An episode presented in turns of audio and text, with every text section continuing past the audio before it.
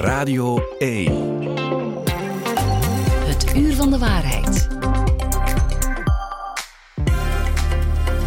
Welkom, ik ben Dennis van den Buis en dit is jouw vaste afspraak in de wereld van desinformatie, fake news en vooral wat we daaraan kunnen doen. Ik neem je mee naar Parijs, waar voetbalclub PSG een trollenleger zou hebben ingezet om tegenstanders en eigen spelers zwart te maken. Maar beginnen doen we op de speelplaats, bij ouders die zich zorgen maken om kinderen die betrokken zijn bij vechtpartijen en anderen die dat zomaar filmen. Hoe dat zit, dat ontdek je in deze aflevering van het Uur van de Waarheid. Het uur van de waarheid. Met Dennis van den Buis. Begin deze week was het uh, opnieuw prijs. Vechtende jongeren die elkaar gefilmd hadden op de speelplaats in Stabroek. Filmpjes die opduiken, die druk gedeeld worden, die gefilmd worden ook door heel veel mensen. Denk ook aan het incident in Beveren, opnieuw hetzelfde. Maar nu zei die moeder in Stabroek begin deze week. Ja, we maken ons zorgen niet alleen over uh, ons kind, maar begin vooral niet te filmen. Ga helpen. Het valt op dat er met de regelmaat van de klok zulke filmpjes opduiken. Ja, wat drijft jongeren eigenlijk om dat te doen, om die te delen? We gaan het erover hebben met uh, iemand die het onderzocht heeft, Pieter-Jan Valgaar. Pieter-Jan, goedemorgen. Goedemorgen. Ja, jij bent uh, docent intellectueel eigendomsrecht en mediarecht aan Thomas More. Is het een indruk dat dat al maar vaker voorkomt, of klopt dat ook? Wel, heel objectief cijfers daarop kunnen zetten is altijd een beetje moeilijk, omdat natuurlijk onze mediagebruik en het aanbod van media gestuurd is. We zien natuurlijk dat dergelijke filmpjes ja, gevoelensfressen zijn om te delen, dat heel wat jongeren dat graag delen. En natuurlijk, ja, dan krijg je dat exponentieel groeigebied. Hè. Dan zie je dat mensen heel makkelijk die dingen beginnen te delen. En dan komt dat natuurlijk ook een stukje in de mainstream media. Want het is ook wel niet onbelangrijk om mee te geven, is dat vaak van die ja, divers zijn, die lokaal zijn, om het zo maar te zeggen, die dan door ja, media worden opgepikt, een stukje zelfs clickbait worden. En daardoor dat is een megafoon voor die problematiek dan eigenlijk. ja. Zet dat dan ook jongeren aan tot het denken, ja, dat is normaal dat we dat moeten doen en delen en filmen? Goh, ik denk dat we moeten kijken naar waar we eigenlijk specifiek het onderwerp leren. Dus wat, wat, waar kijken we eigenlijk naar? Dat zijn vaak maar heel triviale jongerenruzies. Dat is niks nieuws. Hè. U zal het zelf uit uw jeugd nog wel herkennen. Er zal altijd binnen een, een, een middelbare school spanningen zijn over liefjes, over lokale uh, die dan moeten worden uitgevochten of verbaal moeten worden uh, uitgevochten. Dus dat is aan zich niks nieuws. Ik denk dat hetgeen wat, dat wat anders is in dit geval, is dat jongeren heel snel naar hun telefoon grijpen om dat te documenteren. En dat dat eigenlijk een gegevenheid is waar wij als maatschappij mee met nog vertrouwd moeten geraken. Jongeren leven niet alleen met hun telefoon, maar kijken naar de realiteit door hun telefoon.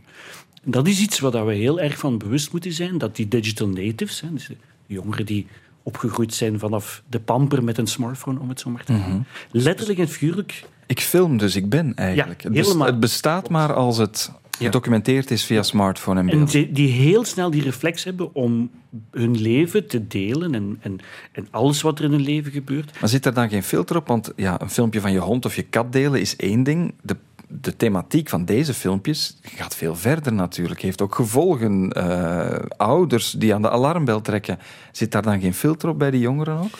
Goh, ik denk dat heel veel van die dingen in de heat of the moment ook wel gebeuren. Um, je haalde twee voorbeelden aan. Ik, ik, een voorbeeld van, van begin dit jaar, in ik denk februari, in, in Heusden-Zoller, het dorp waar ik vandaan kom, ontstond een gelijkaardig gegeven. En het interessante daaraan was om te zien dat je binnen dit en drie kwartiers op sociale media multipoint camera standpunten had. Letterlijk en figuurlijk. Hè. Er waren vijftien jongeren die op verschillende plaatsen dat aan het filmen waren. Mhm. Waar dat dan lokale mensen dan zelfs montages van maakten. En je eigenlijk bij wijze van spreken een scène kreeg die beter gefilmd is dan de gemiddelde Netflix-documentaire. Ja. Ja, je zegt ook, eh, of in je onderzoek, corona speelt een rol daarin, die crisis. Ja, corona zal zeker een rol gespeeld hebben naar een, een, een, een gedrag en een aanwezigheid online. Hè. Ik denk dat we daar ook wel een stukje ons van bewust moeten zijn dat uh, in die periode dat men thuis zat, men de realiteit nog meer online ging beleven. En dat dus vandaag de dag heel veel van die jongeren nog altijd in die modus zitten van ja, kijk, ons, ons leven gebeurt... Of kijken we, we kijken naar ons leven via en door onze smartphone. Ja, terug naar die oproep van die moeder. Begin niet te filmen, maar ga helpen. Ik kan me voorstellen dat veel ouders daarmee zitten. Als je je eigen kind ziet opduiken in zo'n filmpje of iemand die je goed kent. Hoe zit dat eigenlijk juridisch? Moet je gaan helpen? Mag je filmen? Hoe is dat geregeld? Oh, dat zijn een aantal vragen naast elkaar. Hè. Ik denk, uh, wanneer het gaat over mag er gefilmd worden, moet je altijd kijken, ja, het zijn, zijn um, activiteiten die doorgaan in een openbare ruimte meestal. Het zijn vaak in parken of, of op het straat of aan de school zelf. Dus aan zich kan je daar als privépersoon gewoon filmen. Mm natuurlijk zit er een stukje een restrictie op en je ziet dat ook in de media die de beelden deelden. Ja, het gaat hier vaak over minderjarigen hè, en het gaat dan ook nog ook vaak over ja, potentieel strafrechtelijke feiten. Dus wat dat je gaat zien is dat wanneer media dat gaan delen, dat die automatisch gaan filteren en gaan blurren. Dus dat je de, kinderen, of de, de jongeren niet meer gaat zien. Um, hoe zit dat als je dat als persoon gaat, ja, als private persoon, ja, dan zit er eigenlijk een stukje, een, kom ik altijd terug op, op, een, term die, die ik graag gebruik, en dat is digitale hygiëne. Um, en dat vertrekt eigenlijk vanuit het principe wat ik, wat ik niet graag heb dat ze voor mij zouden doen, doe ik ook niet aan anderen. En dat is niet alleen in dit thema, maar dat is evenzeer in wanneer het gaat over thema's zoals sexting en aanverwante beeldvorming, dat je daar eigenlijk van moet vertrekken. En ik denk dat dat een van die dingen zijn die, die, die, waar jongeren zich meer van bewust moeten zijn. In plaats van, want als je die filmpjes ziet, is het als ouder wel wraakroepend. Er staan er tientallen rond die niet ingrijpen, maar wel filmen. Mhm, mhm. Is dat door wat je daar eerder zei van die digitale cultuur? Of is, was dat altijd zo en is dat nu uitvergroot omdat we het op beeld zien? Het zal denk ik een stukje beide zijn. Dus in eerste instantie is net dat thema of net die beelden. Jongeren beseffen natuurlijk ook de moment dat ze dat delen, dat, dat ze een stukje, dat dat ja, clickbait is, persoonlijke clickbait is. Hè. Mensen gaan dat blijven delen. Mhm. dat, dat, dat is Want ouders delen het dan ook vaak om, om te zeggen, kijk eens hoe erg. Maar dan, ja, dan Bij jongeren is ook een stukje identiteitsvorming. Hè. Ik denk dat een van de, van de uh, thema's die vandaag de dag aan, aan de aan de orde komt, is het verhaal van drill rap. Het is een, is een muziekstijl die eigenlijk in 2010 in, in de States opkomt, daarna in, in, in, in Engeland een, een ja, bijna een pedant krijgt. En vooral ook in Nederland heel uh, um, dominant is op dit moment. En drill rap is, is, een, is een, een zeer zeer harde, zeer fysiek snelle uh, muziekstijl, die in hun beeldvorming heel erg agressief is. Hè. Dus het gaat over poseren met hoe die zwarte kappen op machetes, messen, um, geweren. Uh, drillen betekent ook in slang een stukje weerwraak kunnen nemen. Hè. Dus dat is een stukje die beeldcultuur die, die onder, onder de jongeren zit. Dat is weliswaar een echte subcultuur nog, zeker mhm. in, in Vlaanderen. Maar we zien dat dat toch een stukje ook overgenomen wordt in beeldvorming. Die, die, die maar dan vervaagt natuurlijk de, de fictie en, en de realiteit, of de grens daartussen. Um, omdat je het over Nederland hebt, daar kan een lokaal bestuur meer ingrijpen. Daar zit het zeg maar onder het gasboetesysteem. Daar kan politie ter plaatse komen, dingen dwingen om te vermijden, snel ingrijpen en mogelijk ook die gasboete. Mhm. Zou dat helpen, ook bij ons, om iets te verbieden op dat vlak? Goh, om die filmpjes te maken en te delen, bijvoorbeeld. Hè? Zoals heel vaak, en zeker wanneer we te maken hebben met jongeren en met subculturen, is een, een, een lik op stuk en verbod niet altijd de beste manier om dergelijke dingen te voorkomen. Um, ik denk dat het belangrijk is dat de parketten, en, en ik hoor, ik heb uh, naar aanleiding van dit interview nog met een aantal jeugdparketten gesproken, dat er op dit moment zelfs opleidingen worden gegeven aan uh, mensen uit het jeugdwerk om net die digitale cultuur en de agressiviteit terug een beetje in, in, in de picture te zetten. Hè, met een, een onderzoeker ook uh, uit, uit Rotterdam, Robbie Rocks, mm -hmm. die heel specifiek daar rond onderzoek heeft gedaan. Dus ik denk wel dat de parketten en zich daarvan bewust zijn, um, maar het is en blijft natuurlijk nog eens casuïstiek. Het zijn heel aparte gevallen nog op dit mhm. moment. Ik denk niet dat je echt kan spreken van een, van een grote golf. Nee. Wat dan wel meespeelt, en daar wil ik misschien mee afsluiten, is ook politieke recuperatie en framing. Het gebruik van zulke vechtfilmpjes door partijen als het Vlaams Belang bijvoorbeeld. Dat kwam ook in het nieuws dat Tom van Grieken die beelden uh, een goede week geleden ook gedeeld had. Mhm. Hoe moeten we dat bekijken? Ook daar gaat het denk ik over politieke uh, hygiëne en politieke sociale hygiëne. Um, je kan daar heel veel over zeggen, zowel maatschappelijk als politiek. Maar ik denk dat het daar ook wel een stukje belangrijk is dat, dat iedereen in, in, in, die in dit debat uh, een stem heeft, daar heel duidelijk positie in neemt. En het, het, het, misbruiken van, van, van beelden, en dan schuif je weer naar het fake news-achtig verhaal toe. Um, ja, dat, dat is een stukje verantwoordelijkheid ook van de politici zelf. En ik denk dat we daar als maatschappij heel stringent op moeten reageren en duidelijk stellen van oké, dit is een brug te ver. Uh, je gaat niet beelden van jongeren die, die in, op dat moment nog in een precaire leeftijd zitten, gaan recupereren voor politieke doeleinden. Dit is, dat is echt een, een, een brug te ver. Pieter-Jan Valgaren, docent aan de Thomas More Hogeschool. Dankjewel voor je tijd en de uitleg. Heel graag gedaan. Radio 1. Het uur van de waarheid. Het was een eh, opmerkelijk sportbericht uh, eind deze week over PSG, de miljardenploeg uit Parijs. Die zou een trollenleger hebben ingezet. Dat zijn mensen op het internet die bewust ja, heel polariserende boodschappen lanceren en plaatsen op social media om reactie op te wekken. Maar zo'n trollenleger zou de voetbalclub PSG dus ingeschakeld hebben om van alles en nog wat rond te krijgen. Hoe dat juist in elkaar zit, dat ga ik vragen aan uh, mijn collega Sirik Cheffrey van bij uh, Sporza en Eleven Sports, die de Franse competitie op de voet volgt. Sirik, een heel goedemorgen. Goedemorgen, Dennis. Sirik, kan je eens vertellen, welke boodschappen heeft dat trollenleger over PSG de wereld ingestuurd? Wat was dat?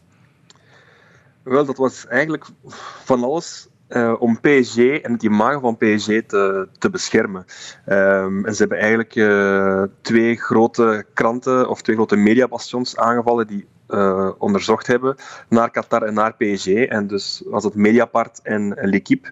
Die hebben ze aangevallen, ook rechtstreeks journalisten aangevallen. En daarna hebben ze ook nog um, ja, andere clubbestuurders aangevallen. En ook, ja, wat heel bizar was, ook eigen spelers destijds. Onder andere Rabiot en Mbappé. Daar zitten heel veel elementen in, maar in eerste instantie was die aanval dus gericht op ja, mediagroepen die kritisch stonden tegenover Qatar en PSG zelf. Uh, ja, maar Mediapart is een, uh, een onafhankelijk online platform uh, die veel onderzoek doen. En ja, die hebben natuurlijk veel onderzoek gedaan naar Qatar en daar de werkomstandigheden voor het WK en zo. En um, ook L'Equipe, die hebben ze ook aangevallen omdat ja, zij te kritisch zouden zijn geweest naar PSG toe. En dat hoe, ze PSG hoe doen ze dat? Een... Welke boodschappen zetten ze dan op social media daar rond?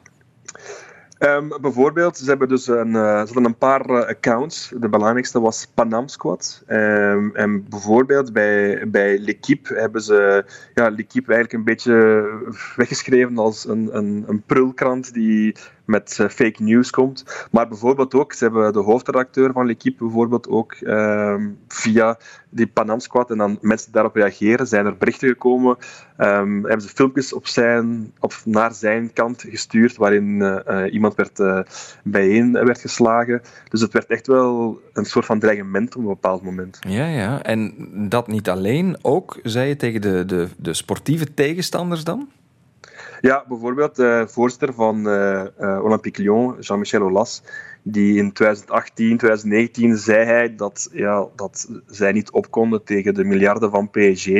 En dan werd hij daarna een beetje weggezet als iemand, een huilenbak. Um, en die werd dan eigenlijk een beetje weggezet als, als een zielig persoon eigenlijk. -hmm. Ja, waarom zou een ploeg als PSG dat doen? Is dat ooit al gezien in de voetbalwereld?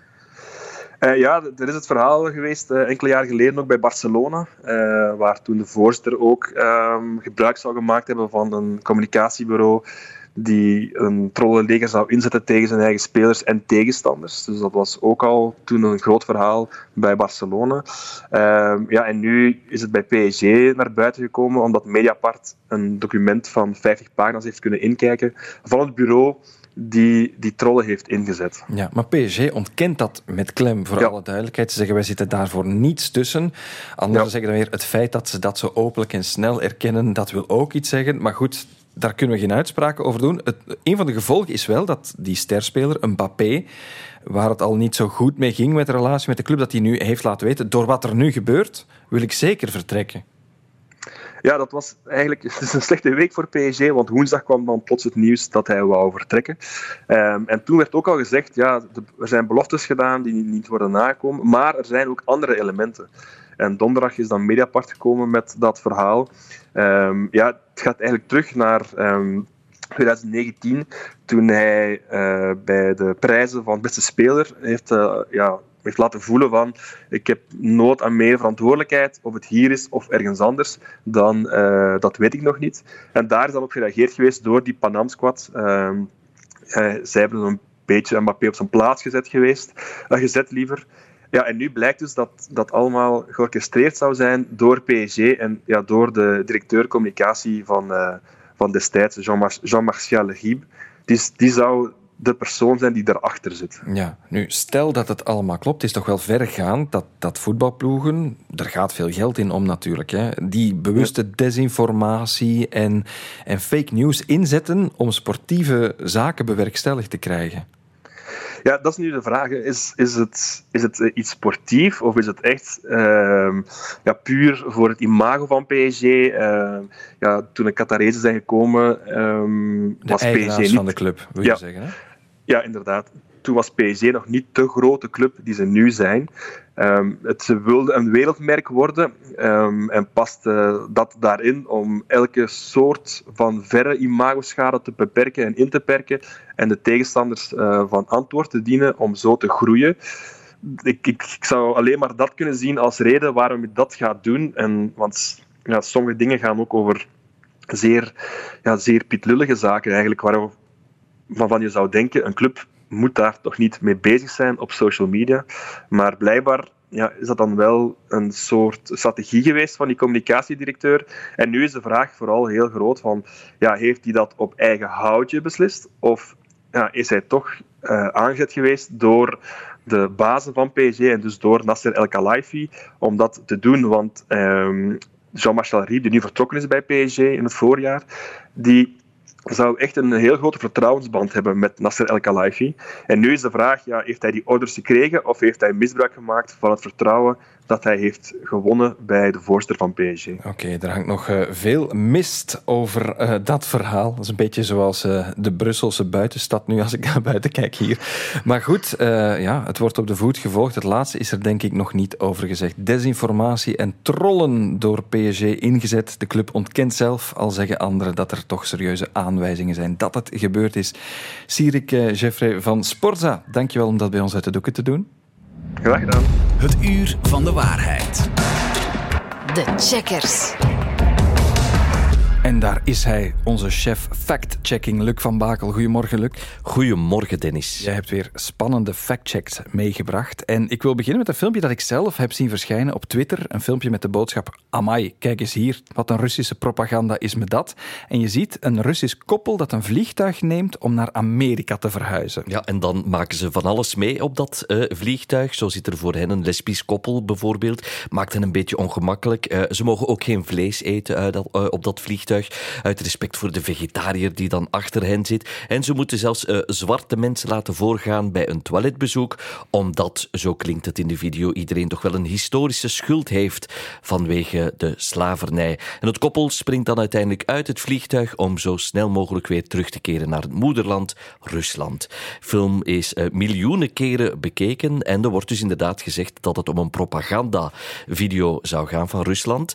Gemaakt uh, om mensen ervan te weerhouden het land te verlaten.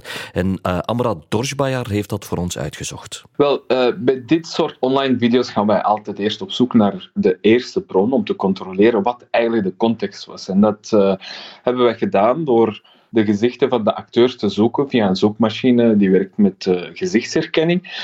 En zo hebben we de naam van de acteur gevonden, een zekere Sergei Pogosyan. En uh, in zijn portfolio hebben we redelijk snel gevonden dat hij sinds kort acteert in een Russische satireprogramma, uh, een beetje de Russische ideale wereld is dat. en het is dus duidelijk gewoon een sketch een sketch dus, uh, al is het daarna wel verspreid door veel uh, Russische kanalen op het internet die willen aantonen hoe uh, verdorven dat Westen wel is. Maar op de hamvraag, is dit nu Russische propaganda? Daar moeten we van zeggen, nee, dat klopt niet. Het zou hetzelfde zijn alsof een sketch uit de ideale wereld of wat als, als echte regeringscommunicatie zou worden aanzien. Ik wil daar toch nog iets op aanvullen, ja, als het even mag. Er zijn ook al wel degelijk van dat soort satirisch ogende video's verspreid door Russische ambassades, die bijvoorbeeld dan Westelingen oproepen om naar Rusland te verhuizen. Ik heb een klein fragmentje meegebracht. This is Russia. Delicious cuisine. Beautiful women. Cheap gas. Rich history. World famous literature Zo gaat het nog even door. De beelden zien we dan nog niet bij. Klinkt wel aanlokkelijk, maar voor alle duidelijkheid, het is altijd moeilijk in te schatten of iets klopt of niet. We gaan ook dichter bij huis langs, want ik zag onlangs een straffe kop verschijnen in onze nieuwskanalen. Twee op de drie handelaars, Luc, willen Brussel verlaten na de invoering van dat nieuwe circulatieplan daar. Heel eh, straffe cijfers. Het eh, ging om een onderzoek van NSZ, dat is het Neutraal Syndicaat voor Zelfstandigen. En zij hebben een onderzoek gedaan naar aanleiding van eh, het nieuwe circulatieplan in de binnenstad daar. De enquête is overgenomen door heel veel verschillende media, ook door ons eigen huis, de VRT. Maar eh, Dennis, Ja, eh, ik voel het al. Er schort iets aan die cijfers, Luc. ja, hoe raad je het? Het is inderdaad wat misleidend. RTBF, de collega's daar, die hebben die enquête onderzocht. Maar er zijn dus slechts 150 handelaars voor bevraagd. En, en dat is het probleem. Ja, een enquête bij 150 Brusselse handelaars. Ik kan me voorstellen, hoeveel zijn er in het echt, weet je dat? Ja, meer dan 100.000, alleszins in het hele gewest. En dat is dus eigenlijk het probleem, want die 150 is dan wat men noemt niet representatief. Met andere woorden, dat is eigenlijk een te klein aantal om iets te zeggen over een hele grote groep. Ja. Wat zegt het NSZ, de organisator van die enquête, daarover? Ja, daar zijn ze zich eigenlijk van geen kwaad bewust. Want ja, wij zijn geen wetenschappers, maar een belangenvereniging, zegt de Saskia de Leeuw van het NSZ.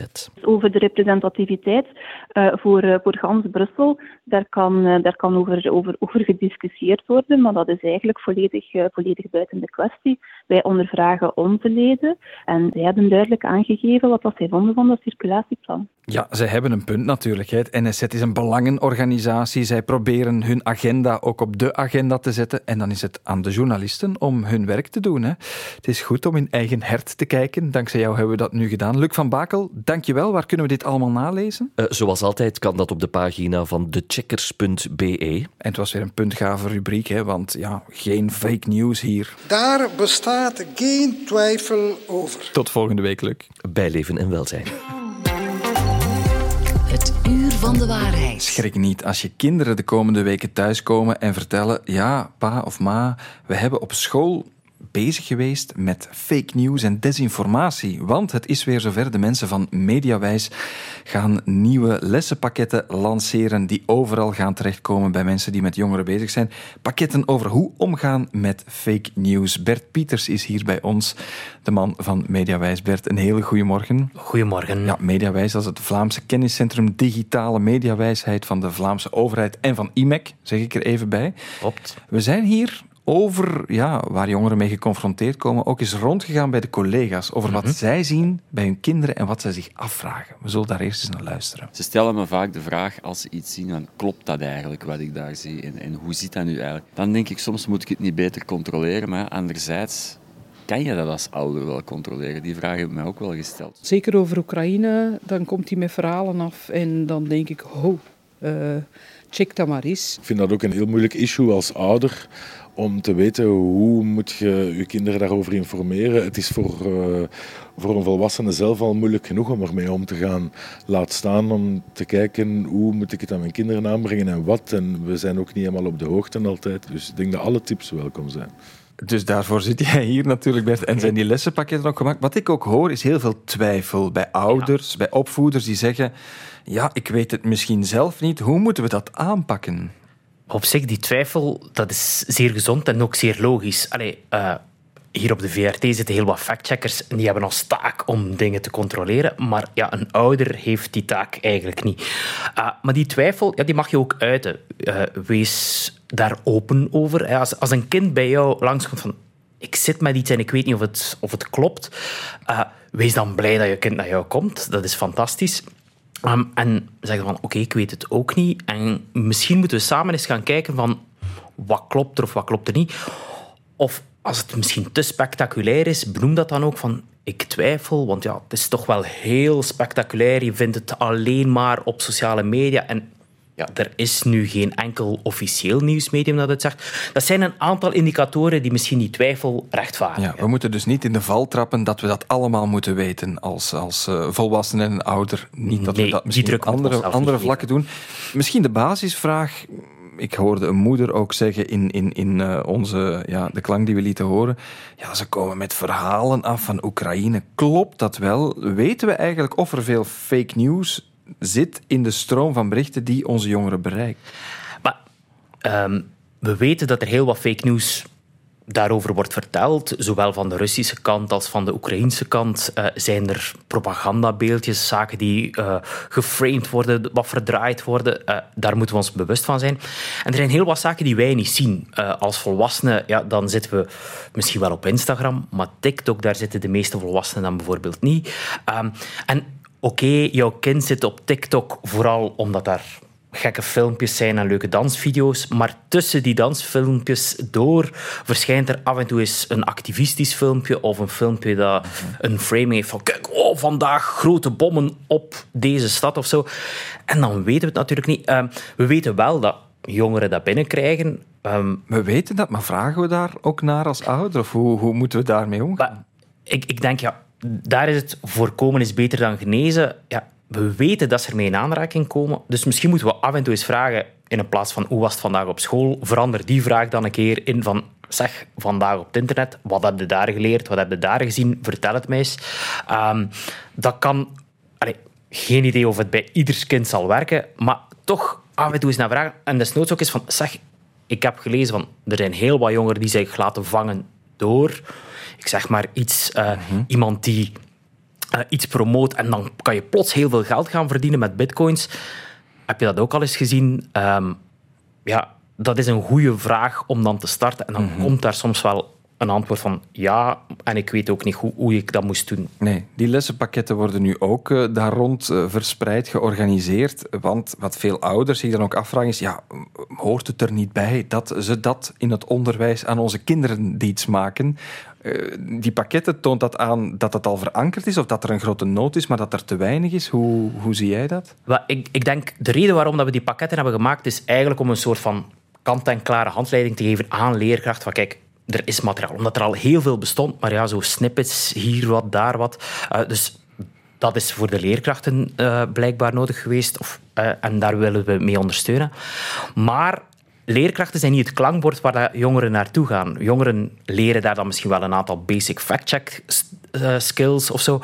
Um, ze, ze leren wel over verschillende nieuwsvormen. Maar als ze met vragen zitten, gaan ze niet naar de leerkrachten, maar gaan ze toch eerder naar ouders blijkt. Dus... Oké, dus het is belangrijk dat iedereen eigenlijk een beetje op, op de... Want in welke lessen zit dat dan op dit moment? Is dat... dat is een hele moeilijke, want eigenlijk media wijsheid, dat zit zo overal. Dat is een taak voor elke leerkracht. Uh, maar ik denk, ja, heel veel, heel veel leerkrachten Nederlands en geschiedenis gaan er al mee aan de slag. Maar langs de andere kant ook leerkrachten wiskunde kunnen misschien het hebben over de algoritmes uh, die ons bepaalde informatie toeleiden. Dus ja, het is een taak voor elke leerkracht. Uh. En het kan maar helpen dat daar dus kennis door jullie mediawijs over verspreid wordt. En ook uh, voor ouders uh, handig meegenomen, onthoud ik. Ja, we gaan het misschien wel merken aan onze kinderen de komende weken. Bert Pieters, dankjewel om langs te komen. Graag gedaan. Het uur van de waarheid. Ik had je seks beloofd. Het is lang, het is lang wachten geweest, maar eindelijk is het zover. Radio 1.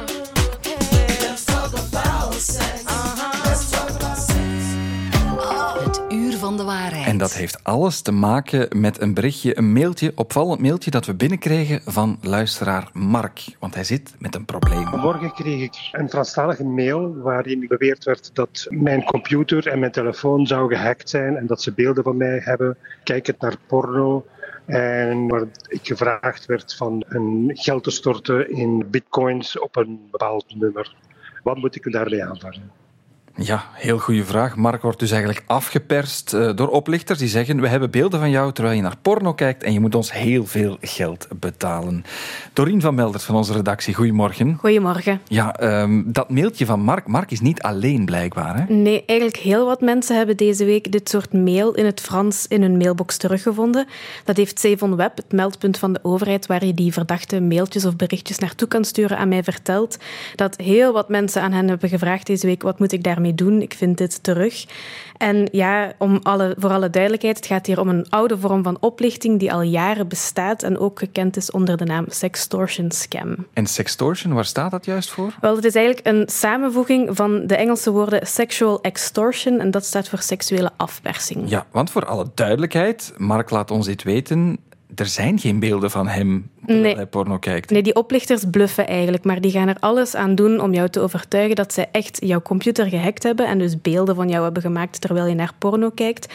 En de manieren waarop ze jou daarmee willen overtuigen zijn heel variabel. Ze gaan bijvoorbeeld zeggen dat ze een wachtwoord van jou hebben. Dat gaan ze ook in dat mailtje vermelden. Dus er staat echt een wachtwoord Ja. dat Mark ooit gebruikt heeft in die mail. Ja, maar ze hebben dat niet omdat ze toegang hebben tot jouw computer, maar omdat ze dat hebben teruggevonden in een datalek bijvoorbeeld. Denk aan het Facebook-datalek van een tijdje geleden. Een grote database Ja. met namen en paswoorden ernaast. Ja. En daar vinden ze dat in terug.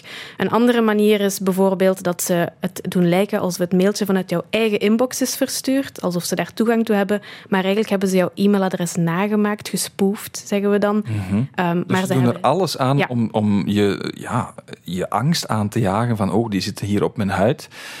Maar meestal weet je dan toch zelf of dat kan kloppen of niet, of ze je gefilmd hebben of niet. Hoe moet je daarmee omgaan als je dat krijgt? Wel vooral niet op reageren, ook niet ingaan op die vraag van die mensen om hen te betalen. Ze willen jou echt afpersen, in bitcoin bijvoorbeeld laten betalen, zodat ze de beelden niet zouden verspreiden. Maar als er, ja, ze hebben eigenlijk geen beelden van jou, dus niet op reageren. Verwijder het mailtje misschien. Je kan ook de afzender blokkeren. Nu, wat je ook kan doen, is het mailtje doorsturen naar SaveOnWeb, eh, naar hun e-mailadres, verdacht.savonweb.be, en dan gaan ze daarmee aan de slag. Oké, zijn er eigenlijk ook tips hoe, hoe je dat kan vermijden? Want sommige mensen denken ook, ja, er zit een webcam op mijn computer. Ze zien mij, ze kunnen dat misschien wel. Ik weet nu niet of het over porno gaat of over iets anders. Kan je daar je, jezelf tegen wapenen op een of andere manier? Wel, je hebt zo van die, eh, van die plakjes die je eigenlijk op je camera van je laptop kan zetten. Dus dan kunnen ze sowieso eigenlijk al niks filmen van jou. En ik denk ook dat het heel belangrijk is dat je heel voorzichtig bent met het delen van jouw gegevens op sociale media of andere platformen. ja, ja. Ja, inderdaad. Maar fysiek afplakken. Dus Mark had nog een belangrijke opmerking Ja. tot slot voor ons. Hè? Ja, hij heeft nog laten weten dat hij zeker ook niet naar porno kijkt. Nu ehm, maakt eigenlijk allemaal niet uit. De mensen hebben geen beelden van jou, maar toch een PS. En het is een hele goede tip, want een problematiek die dus eh, opnieuw vaker opduikt, merken ze ook bij Safe on Web. Dorien van Melder, dankjewel voor je tijd. Graag gedaan. Dit was het Uur van de Waarheid, een podcast van VRT Nieuws en Radio 1. Heb je meer interesse in zulke straffe verhalen? Ga dan op zoek naar de eerdere afleveringen van het Uur van de Waarheid in de app VRT Max. Daar vind je heel veel straffe podcasts en reeksen en content. En geloof me, dat is echt waar. Ik vertel je hier geen Fake news, fake news. There's never been an innovation that's so easy to do. They used to be lies, now they're alternative truths. So if you fake it with me,